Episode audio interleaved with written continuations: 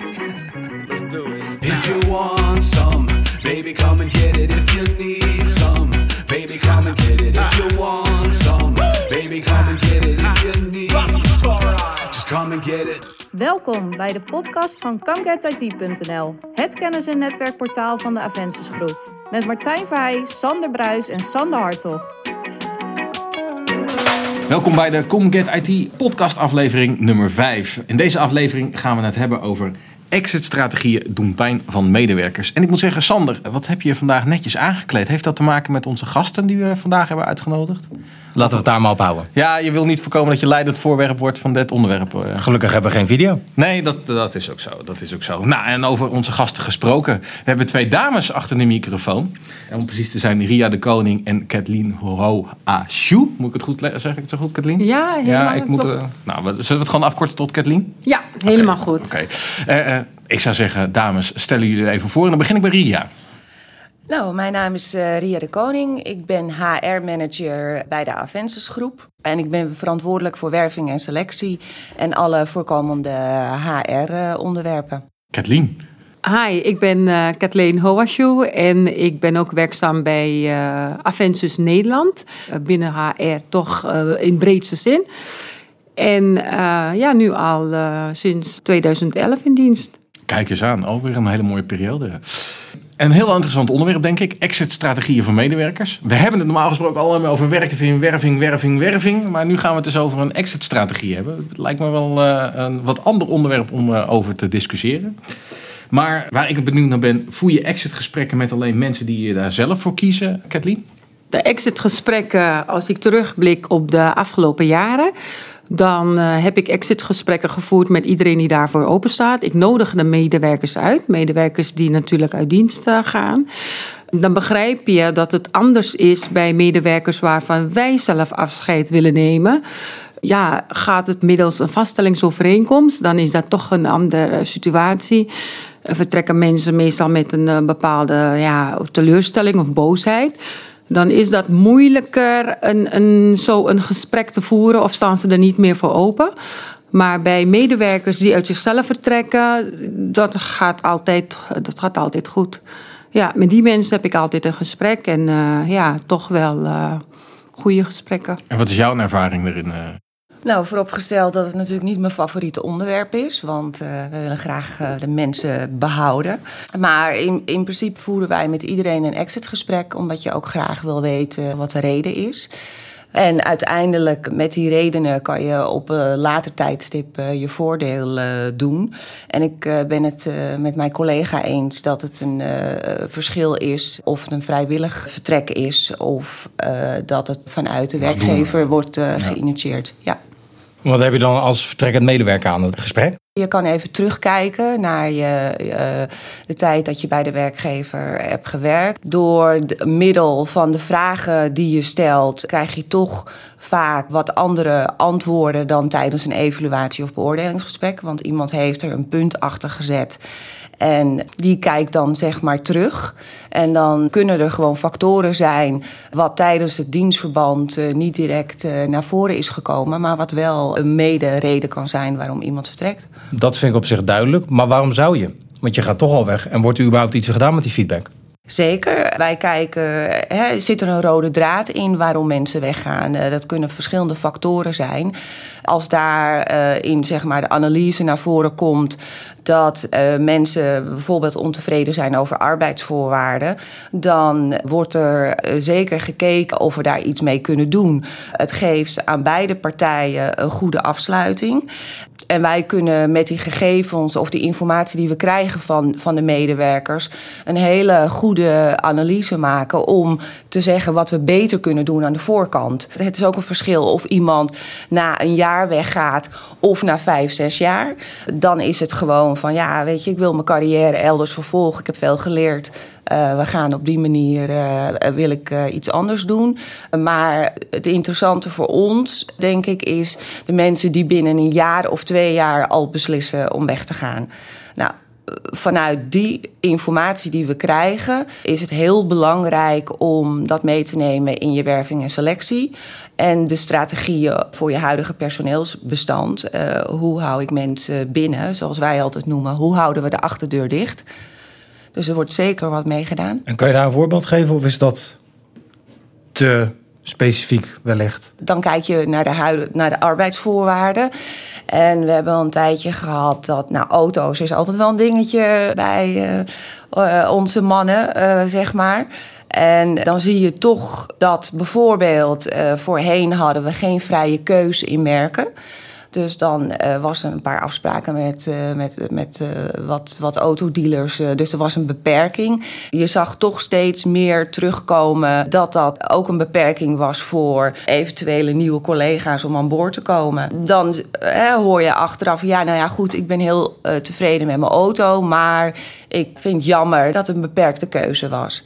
Nou, uiteindelijk is dat bijvoorbeeld iets wat we meegenomen hebben, omdat we dat toch wel meer terug zagen komen en uh, besloten hebben om uh, zeg maar uh, merkenvrij de keuze te laten. Kijk, Kathleen, is het gevoel of het beeld nog steeds dat de echte reden van vertrek niet echt de echte reden is? Om eerlijk te zijn, als ik ja, mijn, mijn ervaring met, met de vertrekkende medewerkers heb ik dat beeld niet. Hè? Dat het beeld niet, uh, of de reden niet klopt wat mensen aangeven. In vele gevallen heb ik toch een hele directe en uh, close band met de medewerkers. Ik weet ongeveer wat er ruilt en zelt in hun, in hun leven. Dus ook bij vertrek weet je al ook van tevoren waarom mensen de keuze maken om te vertrekken. Hm. Dus bij mij, ik heb niet het beeld dat het, of niet het gevoel dat het niet klopt. Maar zijn het ook nee. vaak wel signalen die je vanuit een verleden, dan wel misschien van, van beoordelingsgesprekken al, al binnenkrijgt? Dat um, mensen ja. met intentie lopen om, uh, om weg te gaan bij, uh, bij een van onze uh, organisaties? Of? Um, ja, vaak zijn het toch signalen die mensen ook al eerder afgeven tijdens verschillende soorten gesprekken. En in uh, sommige situaties kun je er wel wat aan doen hè, om mensen toch daarbij uh, in te helpen. Of gaat het om ontwikkelingsmogelijkheden, bespreken met zo'n medewerker wat wij als organisatie voor ze kunnen betekenen. Maar gaat het echt om privéomstandigheden of reisafstanden, dan is dat wat lastiger. Ja, eens. Hoe kun je bij een verplicht vertrek van de medewerker een sturende of ondersteunende rol uh, spelen, Ria? Ja, dat is, uh, dat is een hele goede vraag. Um, We hebben er meer. ja, ja, ik, ik, zie ze. Ja, een verplicht uh, vertrek is toch. Uh, daar hangt toch iets negatiefs bij. Maar het is een beetje afhankelijk wat de reden is. Maar als het te hoog gegrepen is. En vanuit de werkgever wordt gezegd van uh, ja, in deze functie heb je niet de juiste competenties en wij merken dat het een, uh, een struggle wordt. Um, er is geen andere functie voorhanden. Dan zou je eventueel kunnen spreken van een uh, verplicht uh, vertrek. En daarin kan je wel iemand helpen door, door middel van het gesprek te laten zien waarin diegene uh, tekortschiet. En, wat, en bij helpen om door de juiste feedback te geven iemand een juiste keuze te laten maken. Dus je ondersteunt dan wel de medewerker door mee te denken over, uh, nou goed, wij weten uh, bij die die werkgever is dat wel passend.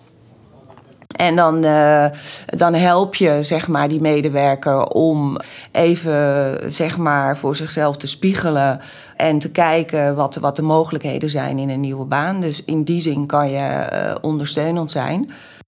Je hebt nu een hele mooie nette omschrijving gegeven van iemand die een verplicht vertrek heeft. Ja. Ik ben eigenlijk veel meer geïnteresseerd. En iemand die op staande voet ontslagen wordt. Heb je dan een extra gesprek? En hoe kort, hoe lang is die dan?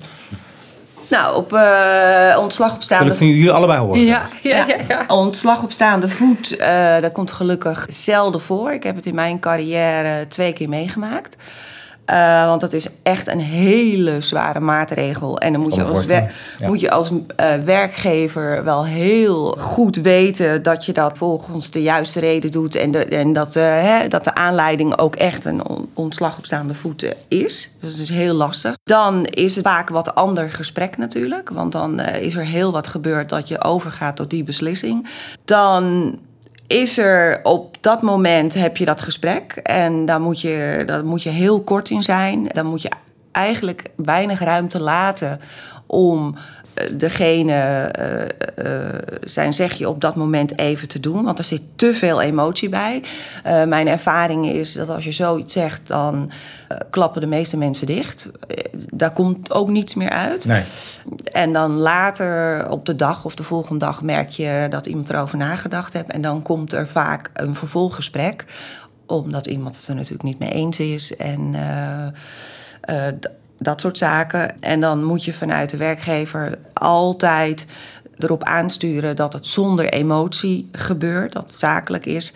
Maar dan ga je in feite toch nog een exitgesprek aan. Ja, maar het eerste gesprek zal relatief kort zijn wat dat Het betreft. eerste gesprek is eh, alleen het slechte nieuws brengen, de reden waarom. En eh, ja, dat is eh vaak... exit eh, monoloog. ja, Ja. ja. dat, is, dat, is een, dat is eenzijdig eh, eens. En dat, eh, ja, in mijn ervaring eh, duurt dat niet langer dan eh 15, 20 minuten. Dat, die ervaring heb jij ook, Kathleen? Ehm, nee, ik heb eh, gelukkig geen, eh, geen eh, zeg maar ontslag op eh, staande voet meegemaakt Nou, of ervaren de afgelopen jaren. Nee, dus eh, ik, ik heb die ervaring gelukkig niet. Gelukkig niet. Hè? Heel kort, je hoeft maandag niet weer te komen. Tot, tot dinsdag. nee. Ehm, wat heb je eigenlijk nog aan, eh, volgens mij hebben we de vraag iets eerder gesteld, maar dat maakt op zich niet uit. Wat hebben we er nog aan als vertrekkend medewerker aan een exitgesprek? Ja, wat heb je aan een, een exitgesprek? We hebben ook medewerkers die vertrekken en die toch ook graag liever gebleven waren hè, bij eh Ventures. Maar door eh, privéomstandigheden, reisafstanden, dat ze de keuze moeten maken om te vertrekken. En in eh, gesprekken, in de exitgesprekken met die collega's, wat krijg je dan? Is dat de mensen toch eh, de vraag stellen of ze ooit eens een keer weer terug mogen komen. Of als eh, hè, organisaties als wij ervoor openstaan, dat ze dan weer mogen, ja, zich mogen melden als het zover is. En dan is het een goed moment om daarover te praten. Ja. Dus eh, ook, eh, ook hè, je hebt ook collega's die wij. eh, Waarvan we met toch pijn in ons hart afscheid moeten nemen. En het is toch fijn om te horen dat collega's dan terug willen komen. Daar staan we wel, wel, wordt voor er- open. Daar wordt de reisafstand vaak dan niet minder van. Eh, nee, maar je weet nooit. Hè. Mensen kunnen, ja, kan van alles gebeuren Ja. in, eh, in- een mensenleven. Dus je weet maar nooit. Mensen kunnen gaan verhuizen. Het kan van alles gebeuren. En ook wij als, als bedrijven zijn eh, een dynamisch. We zijn eh, in beweging. Je weet nooit. We krijgen misschien een, Tweede vestiging. een tweede vestiging. Ja, dus ja. het is altijd mogelijk. Ja. Ja. Dus ja, ja wat wou je zeggen? Nou, dat, dat, dat is het uitstapje wat ik wilde maken. Want ik zit, we zitten twee, tegenover twee dames binnen Ja. een IT-organisatie. Even terug naar waar jullie het net over hadden. Want de andere kant van de het exit-gesprek is mensen binnenboord proberen te houden. Ja. Ik zie heel vrij, weinig vrouwen nog steeds in de IT-wereld. Hoe staan, hoe staan jullie daar wat dat betreft? Hebben jullie een specifiek idee over hoe je vrouwen binnen een IT-organisatie binnen kan halen of binnen kan houden? Is dat een.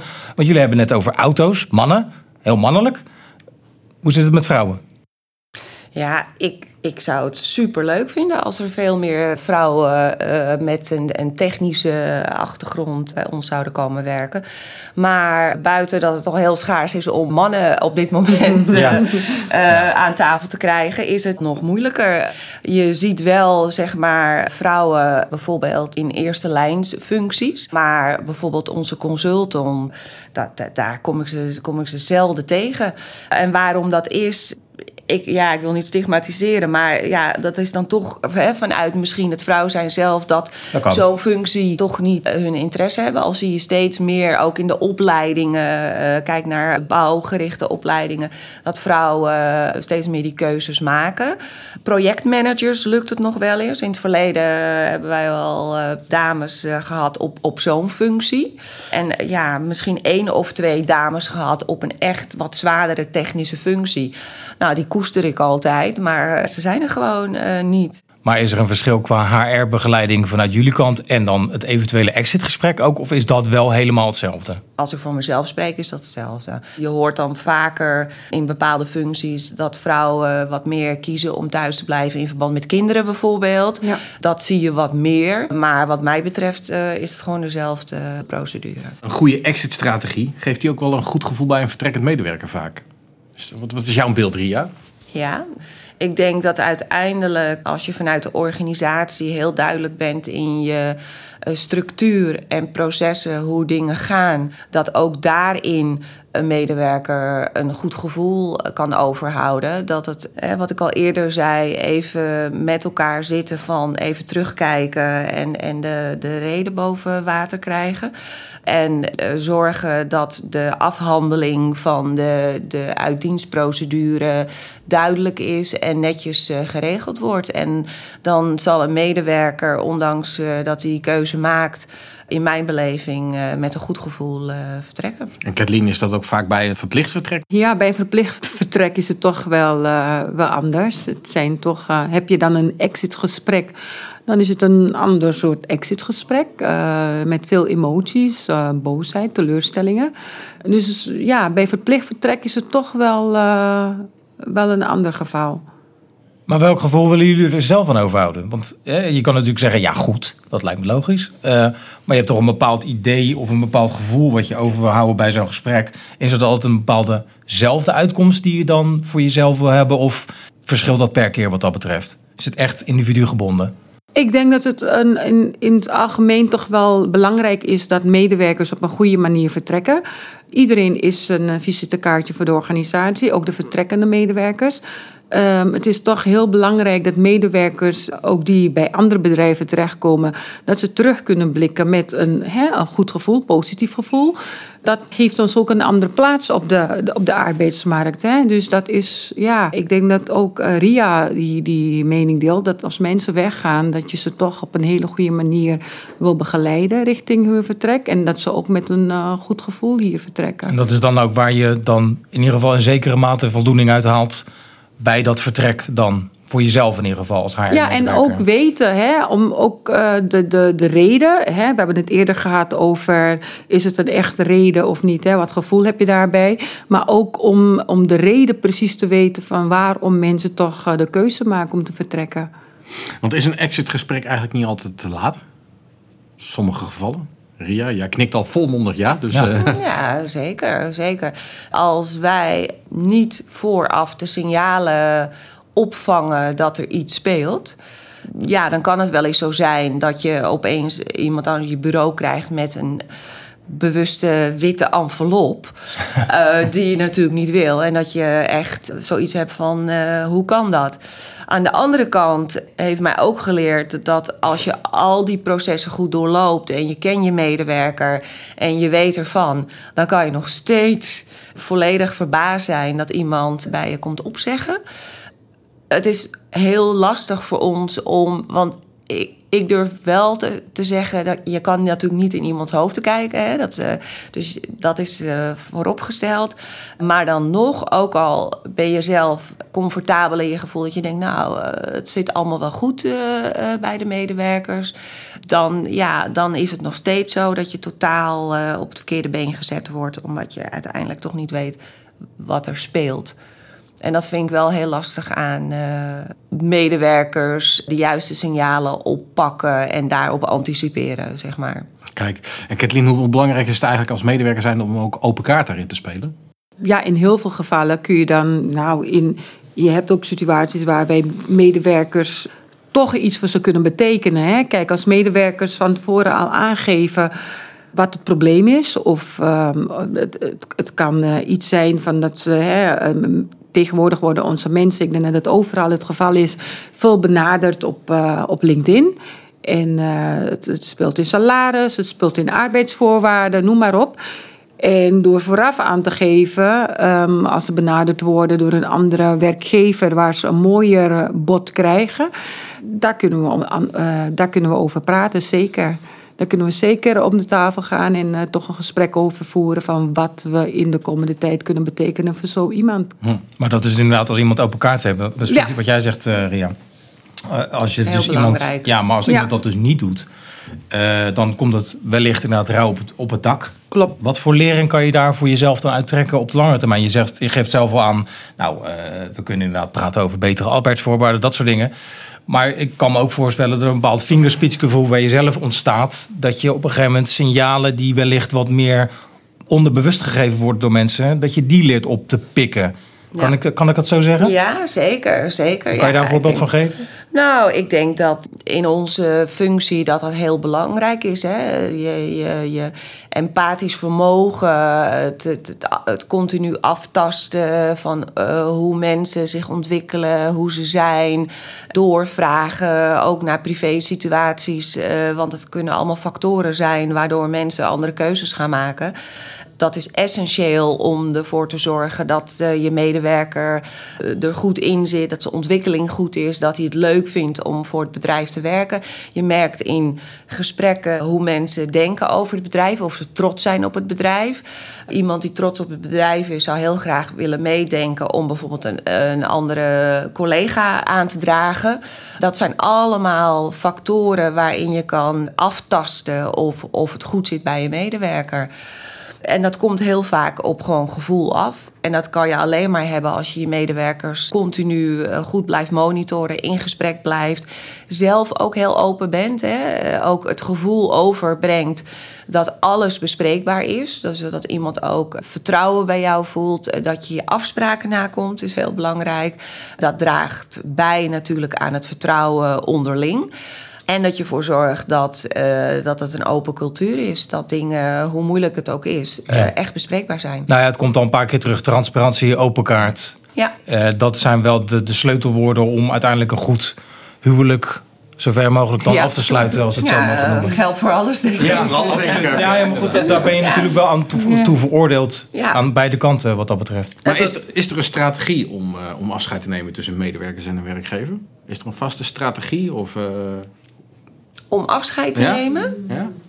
Nou, bereid je je altijd hetzelfde voor op een, op een Ja. gesprek? Of Eh, is dat altijd anders? Nou, niet zozeer het gesprek, maar gewoon in de afscheid van de, Ja. van de medewerker in zijn geheel natuurlijk. hè. Ja. Het is natuurlijk een exit-gesprek, maar Ja. We hebben, eh, als er een expe- exit-gesprek begint, dan is er een bepaalde checklist eh, waarin ik wel vragen heb eh, die ik wil stellen, omdat je dan eh, bepaalde informatie naar boven krijgt.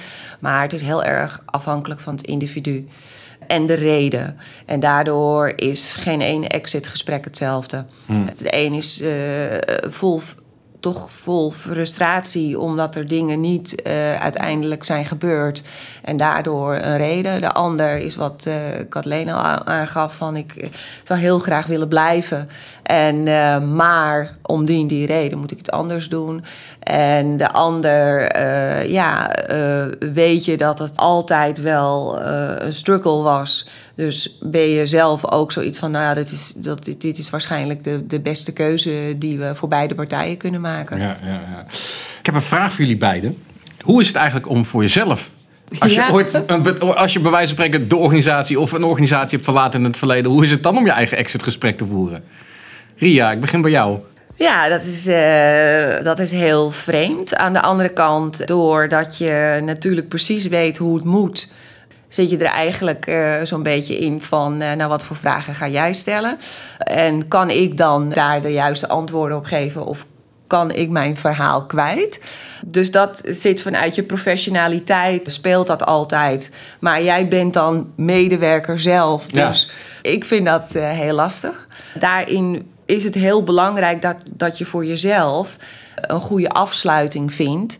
En je werkgever kan vertellen waarom jij die keuze maakt.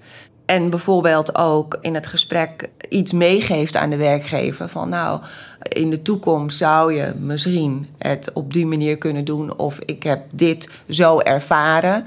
Had ik graag anders willen zien. Of nou ja, natuurlijk eh, com- een compliment maken dat je daar veel geleerd hebt, dat je fijn gewerkt hebt, je leuke collega's en dat je altijd trots bent op het bedrijf waar je eh, gewerkt hebt.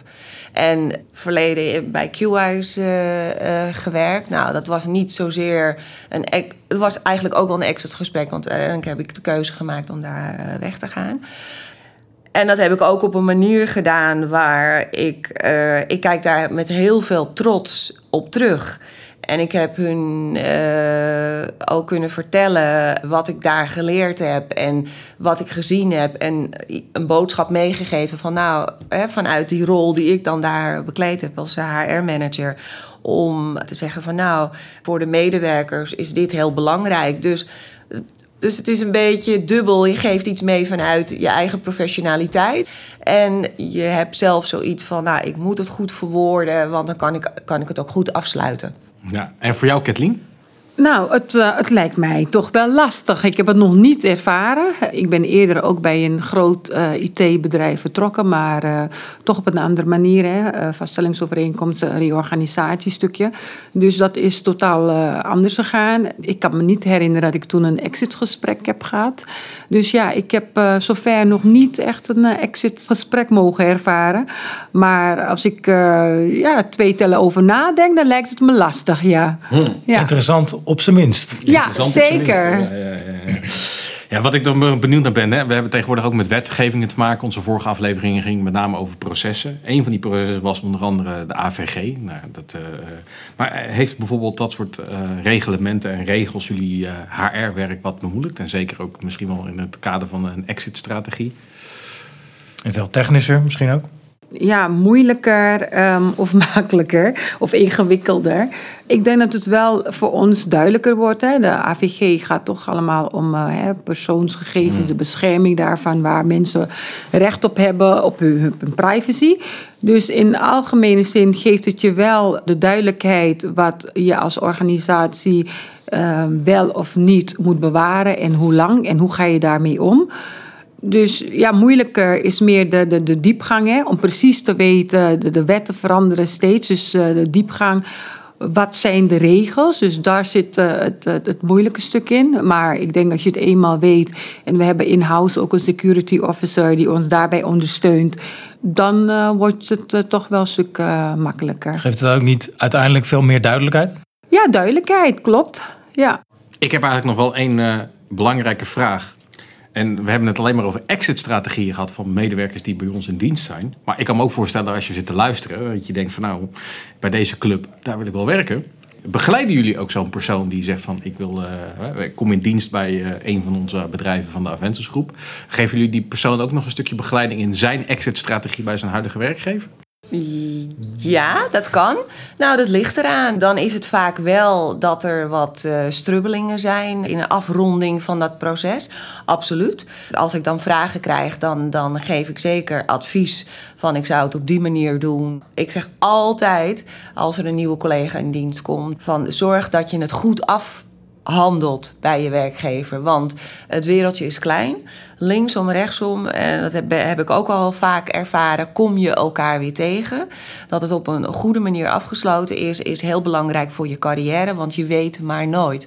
En eh, dan adviseer ik en help ik eh, zo iemand om eh, dat netjes af te ronden. En soms betekent dat ook wel dat wij als nieuwe werkgever een concessie moeten doen door te zeggen, eh, weet je, eh, kom dan niet volgende maand in dienst, maar een maand later. Dan heb je het allemaal netjes, eh, werkgever blij of de klant waarvoor je werkt blij.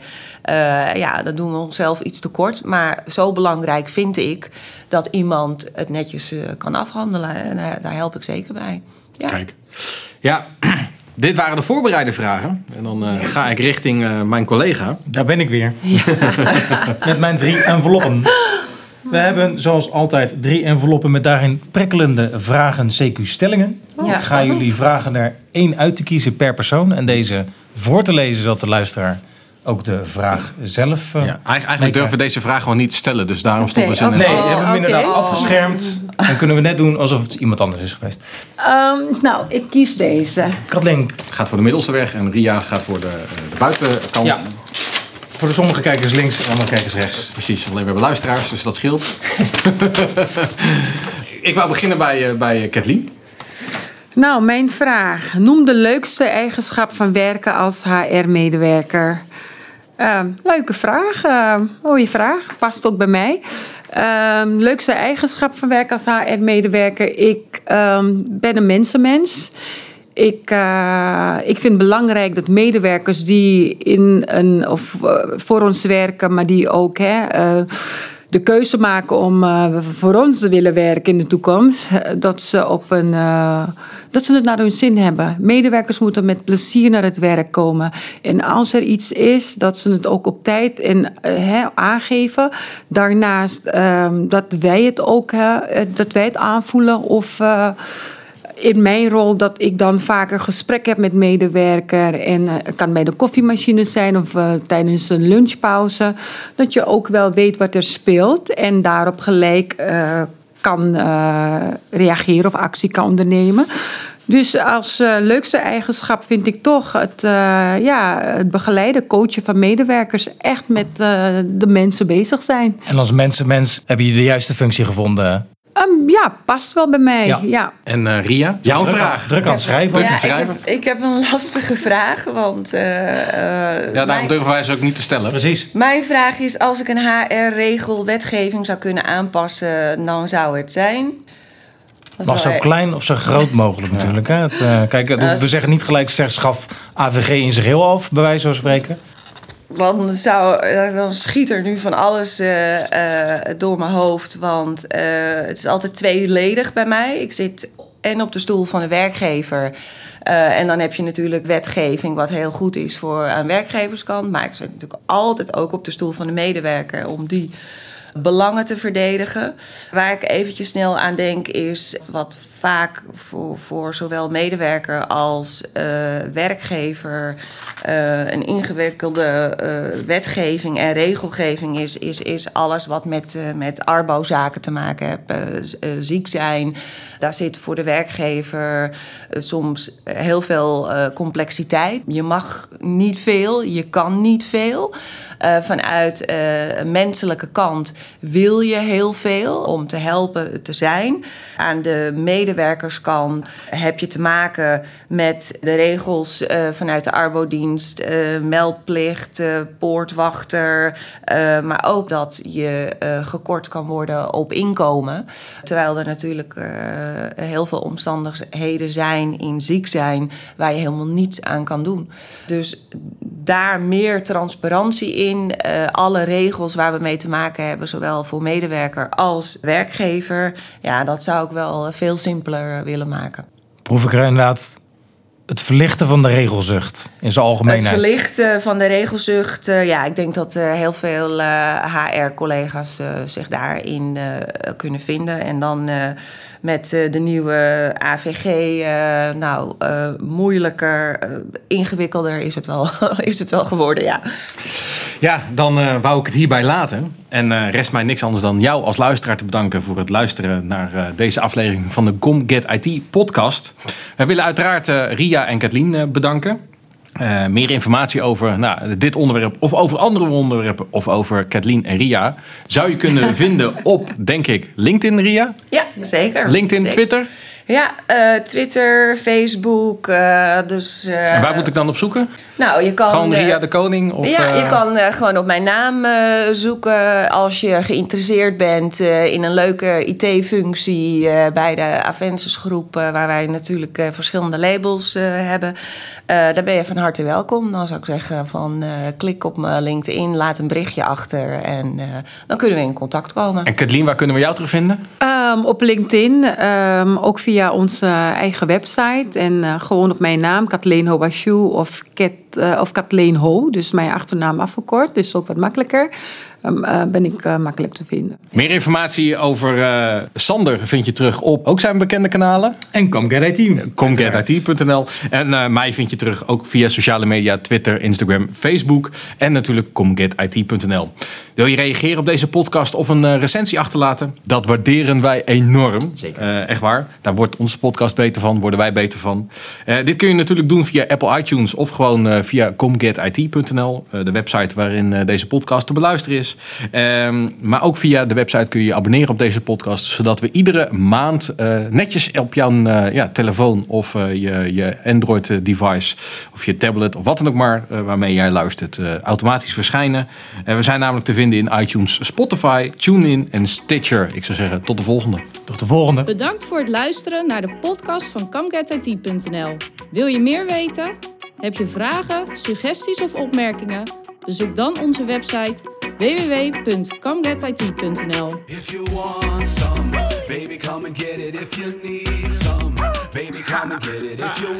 some, baby, come and get it. If you need